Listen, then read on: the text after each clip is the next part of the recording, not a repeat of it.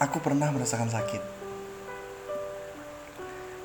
Aku pernah meminta sakit itu kembali lagi padaku.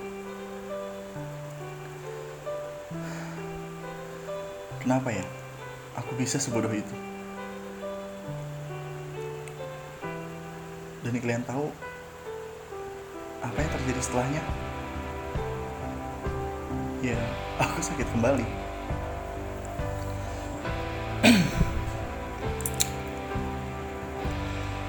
Memang merubah sesuatu itu nggak mudah sih. Kita udah banyak menjelaskan,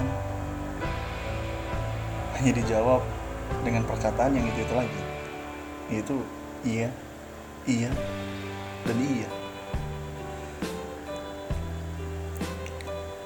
Lalu ketika kita yang salah, kita menjadi seorang tersangka yang seolah-olah itu kesalahan berat banget. Namun lagi-lagi aku hanya bisa menerimanya. Dan kembali menjadi rasa sakit. Lalu bagaimana tentang perasaanku?